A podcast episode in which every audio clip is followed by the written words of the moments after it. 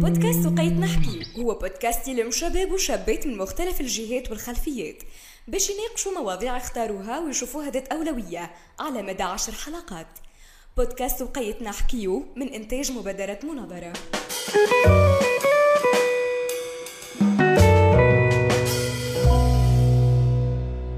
عليسة الأميرة الفينيقية اللي تقول الأسطورة إنها أسست قرطاج وجت هاربة من العنف المسلط عليها من قبل خوها اللي كان حاكم سور في لبنان. وبمرور الزمن قعدت تونس الرقعة الجغرافية الصغيرة اللي تسعى نساها للقضاء على مختلف أنواع التمييز بينها وبين الرجل وتحارب في كل أنواع العنف المسلط عليها. على ذاك في وقاية نحكيو قررنا نحكيو على العنف ضد النساء ونظرا لخصوصية النهار هذا 13 أوت اللي وافق عيد المرأة وذكرى إصدار مجلة الأحوال الشخصية شفنا إنه الأحسن كان نحكيو على المشاكل اللي تتعرض لها النساء في المجتمع متاعها وعلاش لا؟ تكون أوماج لجميع النساء الناجيات من الاعتداءات بالعنف النساء الكادحات العاملات واللي وصلت نجحت باش تثبت مكانتها في وسط المجتمع. معاكم هبة الغانمي صحفية إيمان السنوسي طالبة في القانون نهام حمدي صحفية وأسامة فرحات أستاذ تعليم ابتدائي. مادام يا هبه رجعت بينا للتاريخ باش نكمل أنا زادة في نفس السياق ونعطي لمحة صغيرة على المراحل اللي مرت بيهم المرأة في تونس واللي كان عندهم دور كبير بالكدا في جملة من الإصلاحات اللي صارت. المراحل هذم باش نلخصوهم في ثلاثة. أول مرحلة هي مرحلة بداية التحرير قبل الاستقلال واللي من أهم مطالبها تحرير المرأة من خلال الدعوة لتعليمها ومشاركتها في الحياة السياسية. أبرز مثال نجم نسوقوه في الحالة هذه هو كتاب الطاهر الحداد امرأتنا في الشريعة والمجتمع اللي صدر عام 1930 وظهور برشا مناضلين في الفترة هذيك اللي دعوا لتحرير المرأة. ونجموا زادة نستشهدوا آه، بوقتها الحملة متاع الحداد على امرأة الحداد احتجاجا على الثورة اللي أصدرها الكتاب هذا في آه، تحرير المرأة.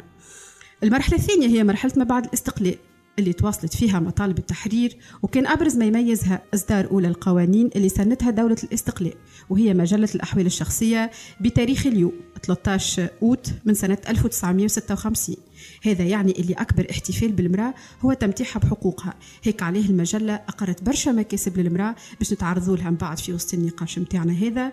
وعنا زادة دستور 1959 اللي كرس مبدأ المساواة وأقر جملة من الحقوق المدنية والسياسية للمرأة إلى أن نوصل المرحلة الثالثة وهي مرحلة ما بعد الثورة.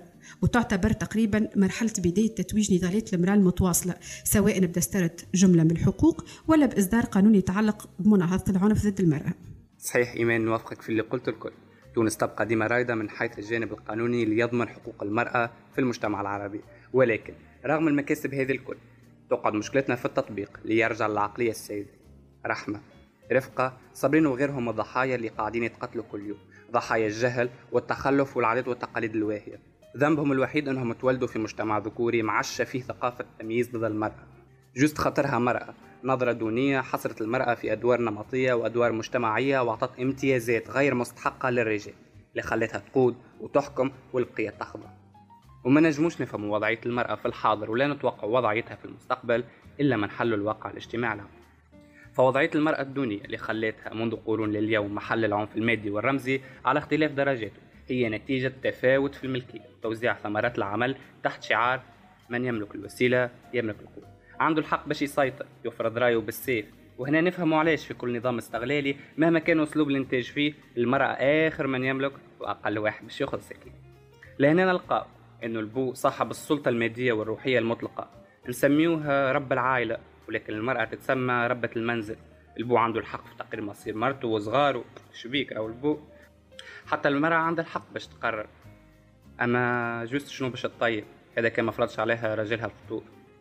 النوع هذا من الرجال يمشي في باله إنه الفاتق الناطق اللي يستعمل كل وسائل العنف باش يفرض سيطرته وكلمته تمشي. وكان واحد وقف في وجهه قالوا لا باش يبقى العنف حل وحتى لو خانته قوته يبقى دعا الشر وتشويه السمعة خيار تاني. تولي الطفلة عايقة متمردة خاطر ما رضا الله إلا برضا الوالدين. فالراجل متحكم في قرار الزواج والطلاق والتبني والحرمان من النسب والميراث والبيع والشراء وحتى مرته تنسب لملكيته فعنده الحق يضربها يطردها يطلقها وكان لازم يقتلها كانت علقة القضية قضية شرف. هو الوصي والعائل والكافل وغيرها من المسميات تخرج من دربها نهار تتعرس ترجع له كان طلقت ولا ترملت. وكان رحمها المجتمع وقررت تعود حياتها. ينجم راجلها يفرض عليها تتخلى على صغارها. للأسف نسبة كبيرة من المجتمع يؤمن إنه ما يعيب الراجل كان جيب وساعات مش مشكل كان مرته عطاته مصروفه وعبت له جيبه. وتتعدى العقلية من البو للخو اللي يولي وصي على أخته وما لازمش تطيح له كلمته. ولهنا نذكركم بالحادثة الأخيرة اللي صارت مع أستاذ التعليم الابتدائي رحاب فرج اللي عنفها أخوها لدرجة تشويه وجهها جوست خاطر ما شاورتوش وهي ماشية تداوي في وجهها في مركز تجميل.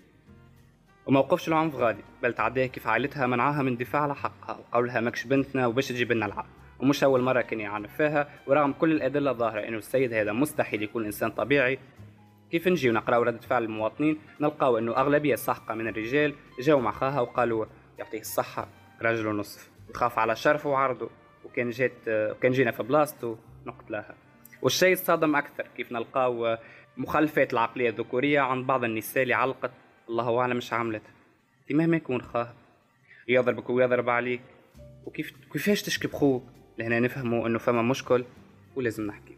نزيد على كلامك أسامة أنه هوني نجمو نحكيو على لو باترياركا اللي تترسخ من مرحلة الطفولة. الوالدين من غير ما يشعروا قاعدين يرسخوا في صغارهم مفهوم الذكورية واللي الكلنا نجمو نكونوا عشناه. الطفلة ملي صغيرة لازمها تلعب بالعروسة وتحبها وما تلعبش لبرا وتحب اللون الروز والوليد يحب اللون الأزرق يلعب بالكرهبة وعنده الحرية باش يخرج وهو القوي واللي عملوا عليه. ويعلموه زيادة القسوة. لازم يكون مسؤول ويخاف على أخته الحنينة اللي ما تنجمش تعمل على روحها ولازمها شكون يحميها. وهكاك نخلقوا أفكار ذكورية ويكبر الوليد متسلط ومسيطر على أخته. نكمل في نفس الفكرة اللي كنتوا تحكيوا فيها نهى أسامة. أما من زاوية أخرى وبطريقة تعيشها تقريبا كل امرأة كل يوم مهما كانت وضعيتها. مانيش باش نستند برشا لا على دراسات ولا قوانين ولا غيره. ما تحسونيش قلبي معبي برشا أما هيك هو. آه، يا سيدي أنا باش نحكي على لا شارج مونتال دي أو الإجهاد الذهني للمرأة. باش نحكي على نهار كل امرأة كيف هي تعدى سواء كانت المرأة هذه عايشة في الريف وإلا في المدينة. فإنه نهار العادي لأي امرأة يبدأ من الأربعة ولا الخمسة متاع الصباح والأكيد أنها تفيق قبل بقية أفراد العائلة. مش خاطر هي ماتينال أو باختيارها لا لا بل هي مجبورة اولا باش توصل في الوقت للبلاصة اللي تخدم فيها خاصة النساء اللي يخدموا في قطاع الفلاحة يتنقلوا المسافات بعيدة برشا.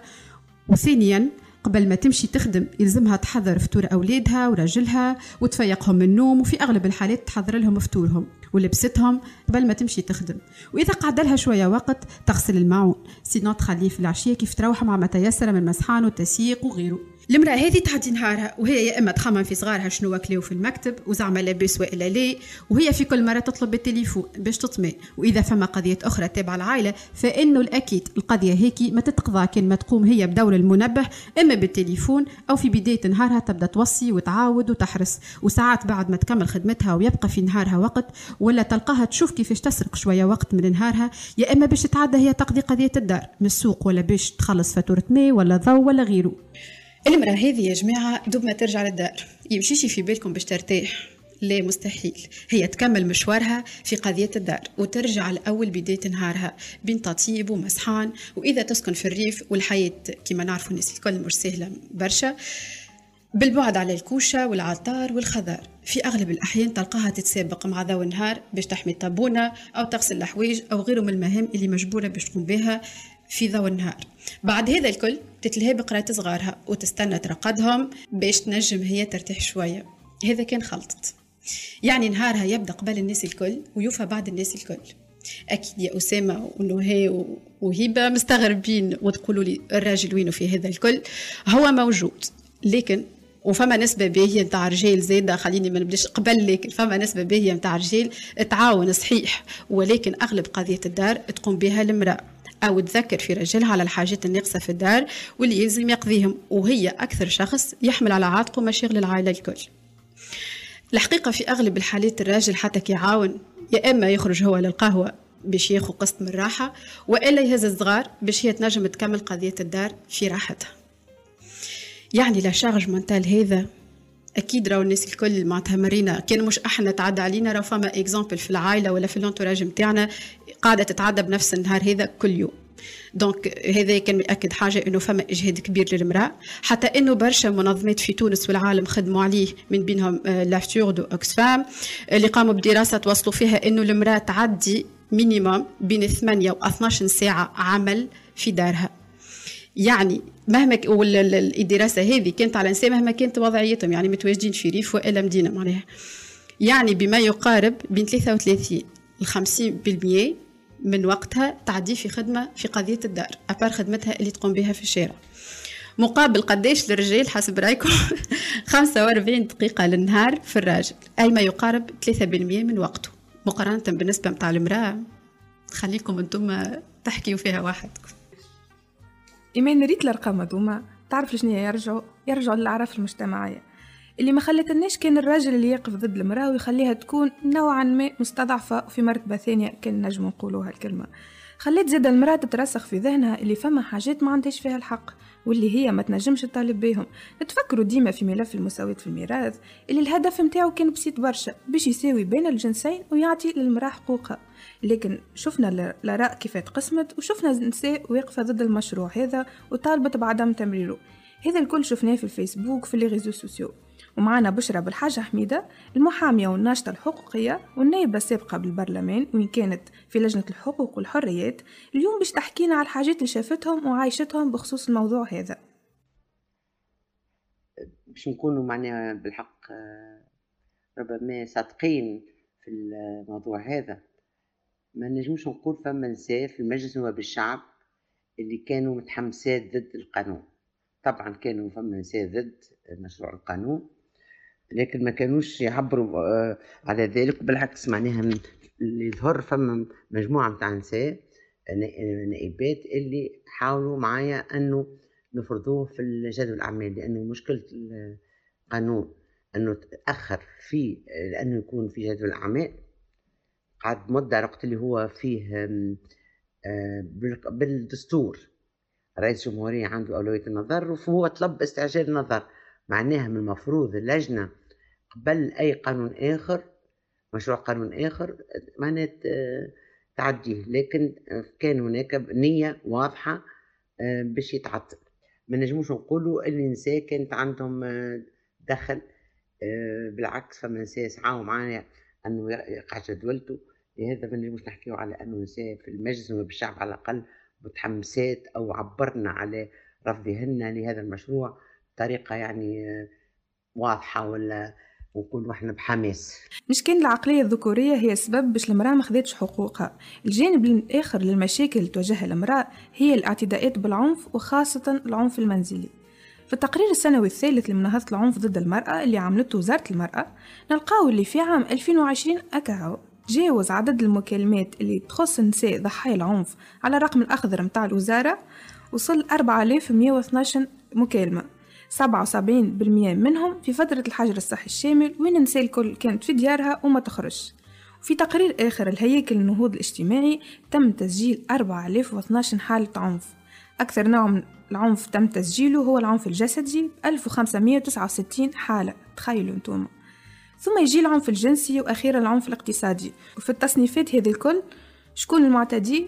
الرجل هو المعتدي أي الزوج بنسبة 33% وفي نفس التقرير الأسباب اللي خلت الظاهرة هذه تكثر هو نقص المعرفة عند النساء اللي ما تعرفش لشكون ولوين تمشي وما تعرفش حقوقها رغم اللي وزارة المرأة حطت رقم أخضر اللي هو 18 99 اللي تنجم تكلمهم وهما يوجهوك الأقرب مركز استماع في الجهة متاعك.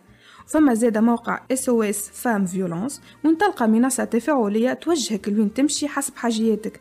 مش لازم تكون كان حالة تعنيف راهو. تنجم كان حاجتك معلومة تخص الجانب القضائي والصحي زادة. فما مبادرة أخرى عملتها وزارة المرأة بدعم من مجلس أوروبا اللي هي حقيبة حقوق النساء ضحايا العنف اللي نلقاو فيها كتيب صغير فيه حقوق النساء اللي تعرضوا للتعنيف العنوان متاعو مانيش وحدي. وهو موجه للنساء بلغة مبسطة وواضحة على الآخر باش يعلموهم بحقوقهم. ومعاه بطاقات صغيرة تفسر بإيجاز ووضوح الحقوق الموجودة في الكتيب هذا. هذم الكل هما وثائق مجانية تلقاهم في المندوبيات الجهوية للمرأة وفي مراكز الاستماع. والوزارة بيدها كانت عملت حملة في الولايات وزعت فيهم الكتيب لتعميمها وإيصالها لأكبر عدد من النساء. أهو كان أحكي لكم عليه وأنتم الحاضر يعلم الغايب.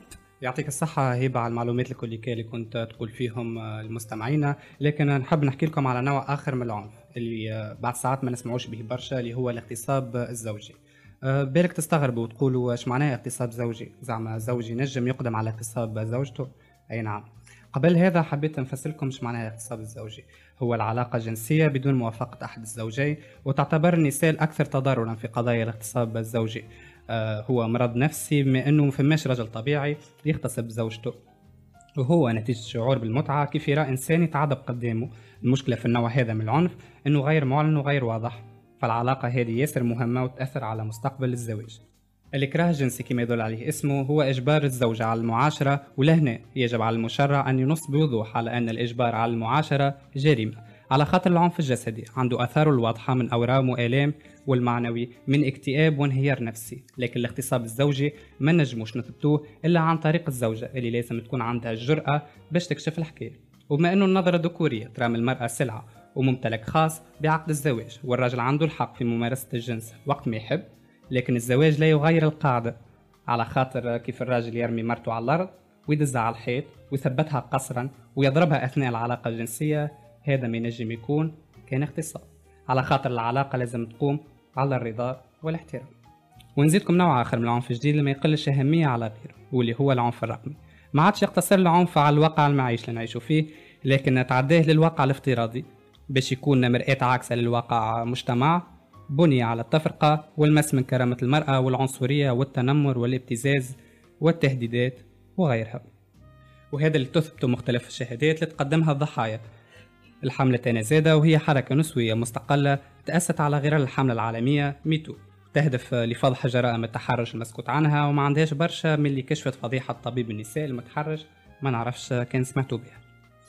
ومش باش نجبركم على إنكم تدخلوا للصفحة باش تتفرجوا على خاطر بالحق شيء يوجع القلب. كي نشوفوا معاناة النساء اللي في أي لحظة وفي أي مكان يتم المس من كرامتها وتتسب فقط على خاطر تنجم تكون ما جاوبتش على مساج. ونحب نقول لكم لهنا إنه حسب الإحصائيات 89% من النساء تعرضوا ولو لمرة واحدة للعنف الرقمي عبر وسائل التواصل الاجتماعي و95% منهم ما تجيهمش الجرأة باش يمشيوا للقضاء إما خوفا من الهرسلة أو على خاطر آه، جاهلين بالحقوق بتاعهم. بما أنه نحكيو على العنف يا أسامة آه، الحقيقة في كل فرصة يلزم نعاودوا ونذكروا اللي راهو قانون 2017 ضمن لنا مجانيه التقاضي في قضايا العنف. يعني انت كاميرا تعرضت للعنف فإنه كيف تمشي تشكي تدفع حتى فرنك؟ هذه ديما نعاودوا ونكرروا وماذا بينا إن شاء الله تعمل المعلومة على النساء الكل. على خاطر فما آه، برشا آه، تخفى عليهم المعلومات هذه. آه، المجانية نتاع التقاضي في قضايا العنف إنه تتمثل في مجانية الشهاده الطبيه والإعانة العدلية زادة. خلينا نحكيو على شهادة طبية. إذا أنت امرأة راجلك مارس عليك عنف مادي ما عليك كان تمشي لأقرب سبيطار باش تاخذ شهادة طبية تثبت بها الضرر. بيان سور يتم فحصك قبلها ومن بعد تاخذ الشهادة الطبية نتاعك ما غير ما تدفع لا رسوم تسجيل ولا مقابل. حتى إذا عندك أضرار وتستوجب أنك ترقد في السبيطار فإنه من حقك الداوي من غير ما تدفع لا تسبق لا على الفحوصات ولا على تكاليف الإقامة. يعني هذا الكل بيان سور من بعد عندك آه، تتمتع بتسهيلات في الدفع نتاع التكاليف هذه. أما وقت اللي أنت مباشرة للعلاج وإلا في الإقامة نتاعك ما تدفع حتى فرنك. الضمان هذا جاء به منشور وزير الصحة سنة 2014 الشهادة الطبية هذه كانت خاصة فقط بالعنف الزوجي لكن ها مؤخرا وزارة المرأة في آخر تقرير آه، نتاع 2022 أعلنت في النهار الاثنين اللي فات 8 أوت إنه راهو باش يتم تعميم مجانيه الشهادة الطبية الأولية على جميع النساء ضحايا العنف. يعني هذا يعتبر زاد مكسب هام بالنسبة للمرأة. نتعديو توا للإعانة العدلية اللي جابها الفصلين 4 و13 من قانون القضاء على العنف ضد المرأة نتاع 2017 نقصد بالإعانة العدلية اللي الدولة تتكفل بجميع المصاريف في كامل مرحلة التقاضي. المصاريف هذا مش نومة. أي مصروف تقوم به المرأة كما المحامي الاستدعاءات والإعلامات مصاريف التنفيذ وأي أداءات أخرى مالية خاصة بالقضية نتاعك يعني هذم الكل تتكفل بهم الدولة مش المرأة اللي شاكية واللي عندها باركور قضائي كامل يستنى فيه.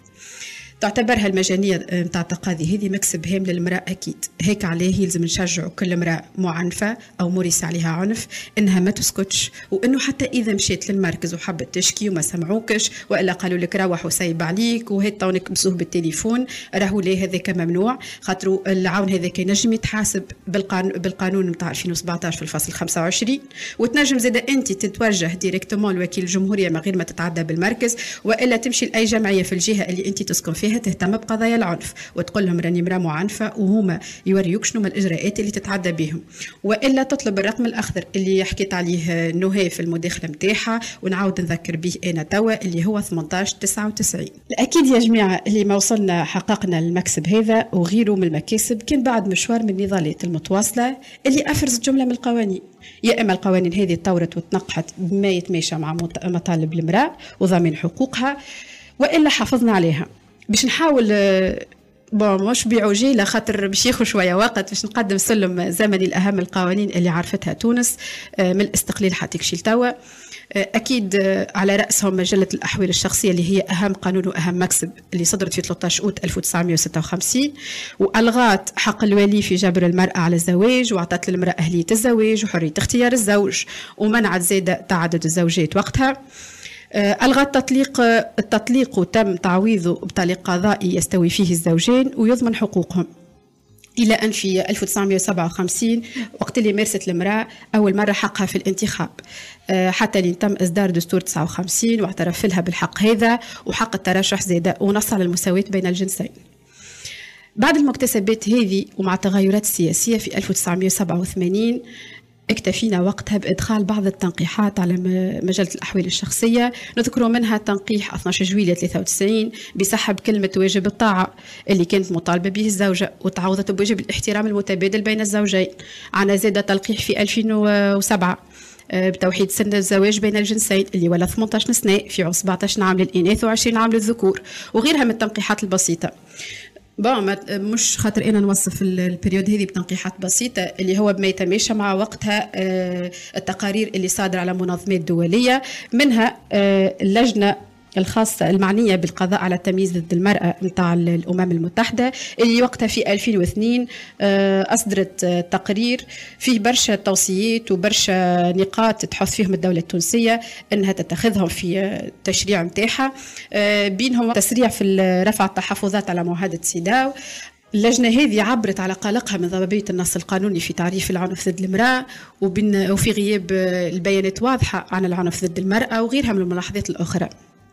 إلى أن نوصلوا في 2011 وين وقتها تم رفع جميع التحفظات على معاهدة سيداو بموجب المرسوم عدد 103 آه، اللي دخلت حيز النفاذ في 2014 وإقرار مبدأ التناصف في القوائم الانتخابية آه، وقتها زاد بموجب المرسوم عدد 35 المتعلق بانتخاب أعضاء المجلس الوطني التأسيسي.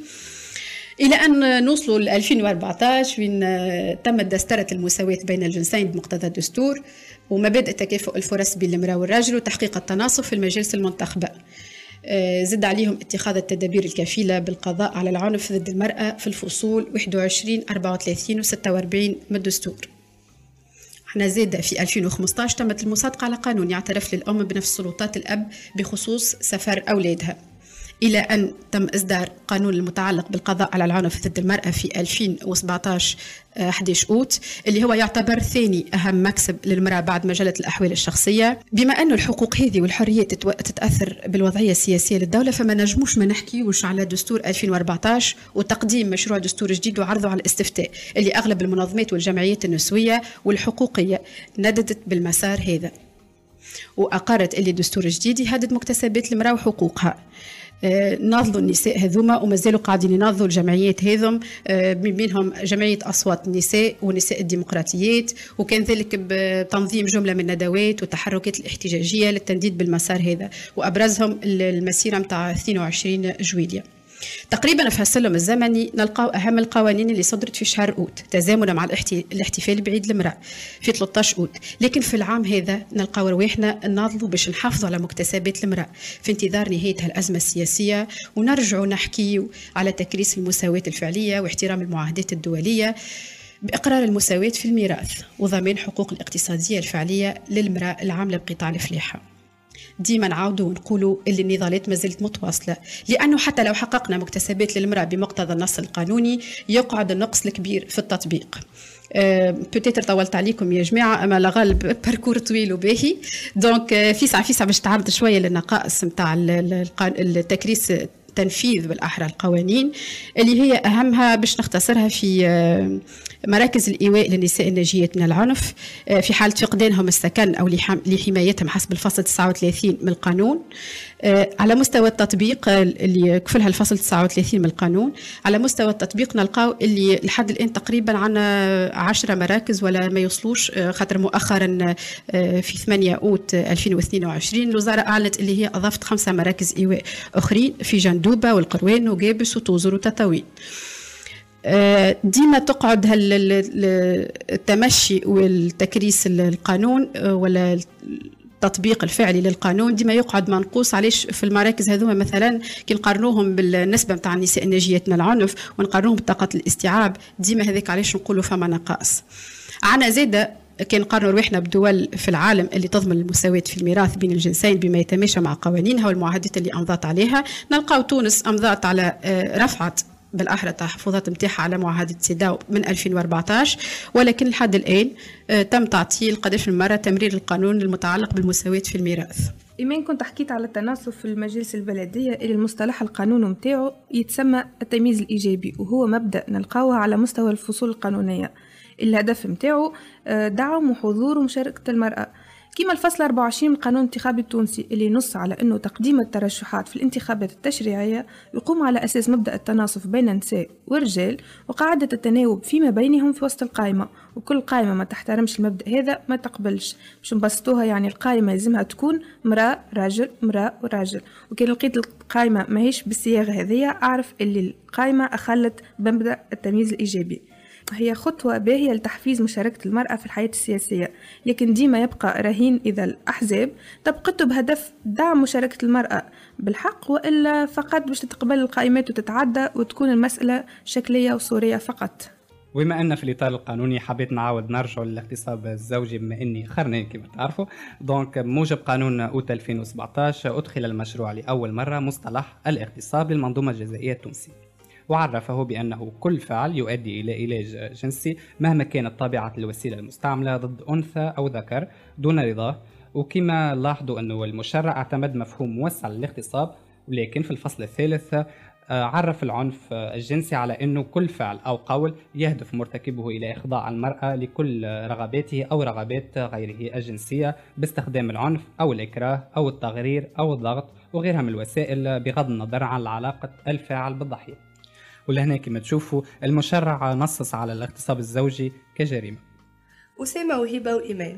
وإحنا نحكيو على المرأة ما نجموش ما نحكيوش على التمكين الاقتصادي لها والقوانين اللي تنظموا واللي يتمثل في تمكين المرأة من حقوقها الاقتصادية وهذا كيف يتم توزيع فرص العمل بالتساوي بينها وبين الرجل وبنفس الأجر. وفي تونس عندنا قوانين تضمن للمرأة الحق في هذا ومن بينهم الفصل 6 من القانون الأساسي عدد 58 واللي نص أنه الدولة هي المسؤولة على القضاء على كل الممارسات التمييزية ضد المرأة على مستوى الأجر والتغطية الاجتماعية في القطاعات الكل وتمنع استغلالها اقتصاديا وتشغيلها في ظروف قاسية ولا مهينة ولا مضرة بصحتها.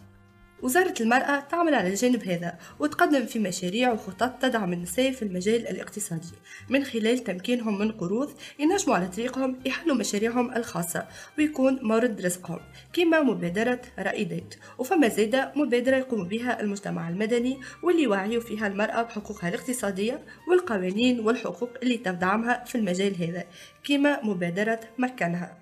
من التمكين الاقتصادي للمرأة. نجم نطرح فكرة التمكين الاقتصادي للمرأة الريفية. ديما نحكيو على المرأة وحقوقها والعنف ضد المرأة والمطالبة بالمساواة بين الجنسين. أما ننساو باش نحكيو على النساء الريفيات. الفئة هذه اللي ما تعرفش شنو معناها تمكين اقتصادي وما تعرف شنو حقوقها وشنو مستحقاتها. هي تبقى فئة نجم نقول عليها منسية. نتفكروها جوست وقت نسمعوا بأكسيدون متاع نساء فلاحات.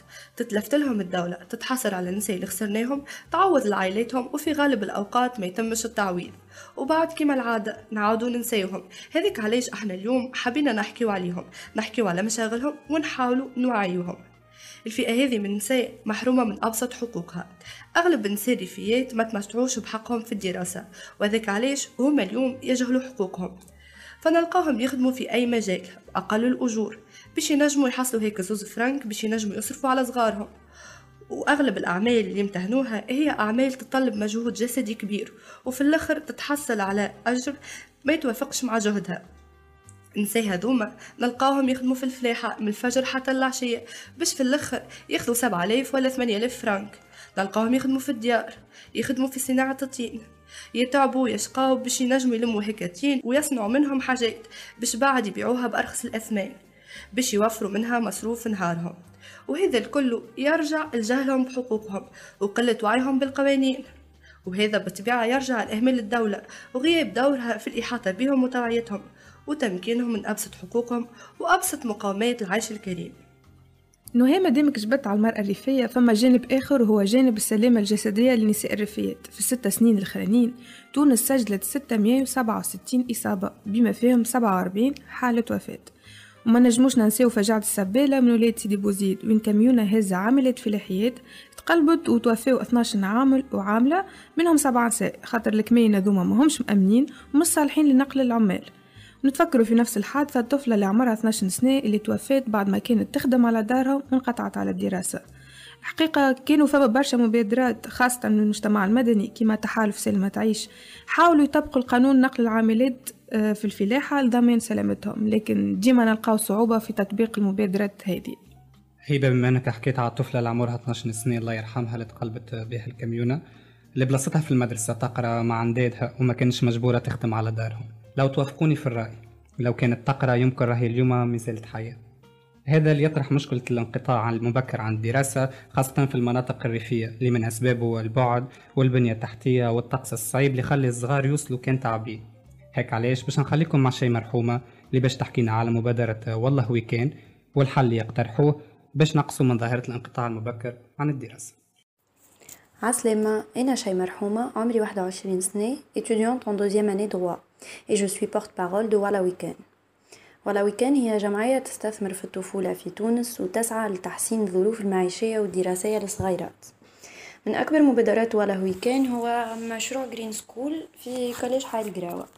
المشروع هذا يهدف لتحويل المؤسسات التربوية لشركات اجتماعية عن طريق تحقيق الاكتفاء الذاتي الطاقي والغذائي ومن بعد وين نبيعوا الفائض باش نجموا نمولوا المشروع هذايا ونحسنوا الظروف الدراسية في المؤسسات اللي نخدموا فيها. باش نجموا نحققوا الاكتفاء الذاتي الغذائي كرينا ثمانية هكتارات أرض وين قاعدين نساء فلاحات اللي هما نفسهم أولياء التلامذة يزرعوا ويجمعوا في خضرة وغلة باش نجموا آه، نوفروا بها وجبات صحية ومتوازنة للتلامذة.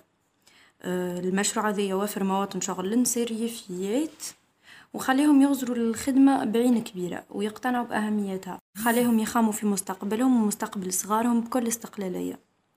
ولو كان وفرت للفلاحات خدمة في ظروف محترمة مكنتهم التغطية الاجتماعية وفرت لهم وسيلة نقل سيكوريزي اللي هي حاجة ياسر مهمة كي نشوفوا كيفاش الفلاحات قاعدين ينقلوا فيهم في الريف. آه Green School زادا ما أثرتش يكونش في النساء أما زادا أثرت في البنات اللي يقراو في ال collège حي القراوة واللي أنا كنت منهم. المشروع هذايا خلينا نخمموا أن ديما نكملوا قرايتنا آه، ساهم في تكوين شخصيتنا وخليني أنا مثلا توا نكون عنصر فاعل في المجتمع. أه أنا فادتني برشا التجربة وكنت bénéficiaire وتوا وليت porte-parole Wallah We Can و membre في المشروع هذايا. المشروع هذايا قاعد زيد ينفع في برشا صغيرات آخرين وعائلات في ال région هذي وإن شاء الله على قريب باش يولي في أكثر من région باش ينجم ينفع أكثر عباد.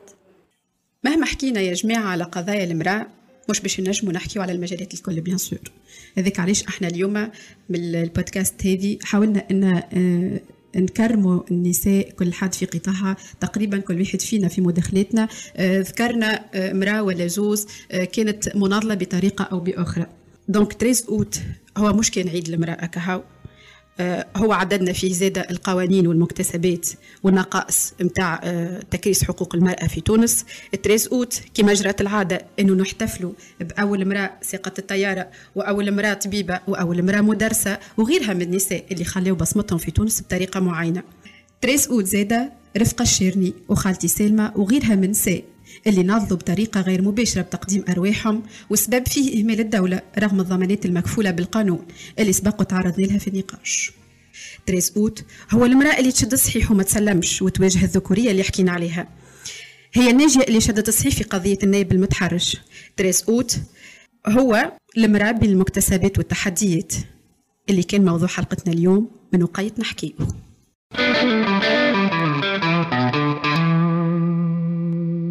في ال fact-checking من حلقة اليوم باش نرجع بكم لقضية مريم والبوليسية اللي هزت الرأي العام في 2012 حكاية مريم اللي اغتصبوها زوز بوليسية واللي وقتها خرجوا عليها برشا إشاعات. من بينهم إنه لقاوها مع صديقها في وضعية مخلة لكن بعد تحكم على زوز بوليسية ب 15 سنة حبس. ال fact-checking مهم جدا وخاصة في القضايا اللي تهم النساء خاطر الإشاعات تكثر وملي تكون الضحية طالبة تولي مطلوبة كما حكاية الطفلة اللي لقاوها متوفية تحت جسر رادس والقضية مازال ما تحسمش فيها. وزيد الأخبار اللي قاعد يدور هالأيامات مشهورة معرسة لقاوها مع شاب في أبارتمون على هذاك ما يلزمناش ننساقوا ورا الإشاعات ولازمنا نثبتوا من الأخبار.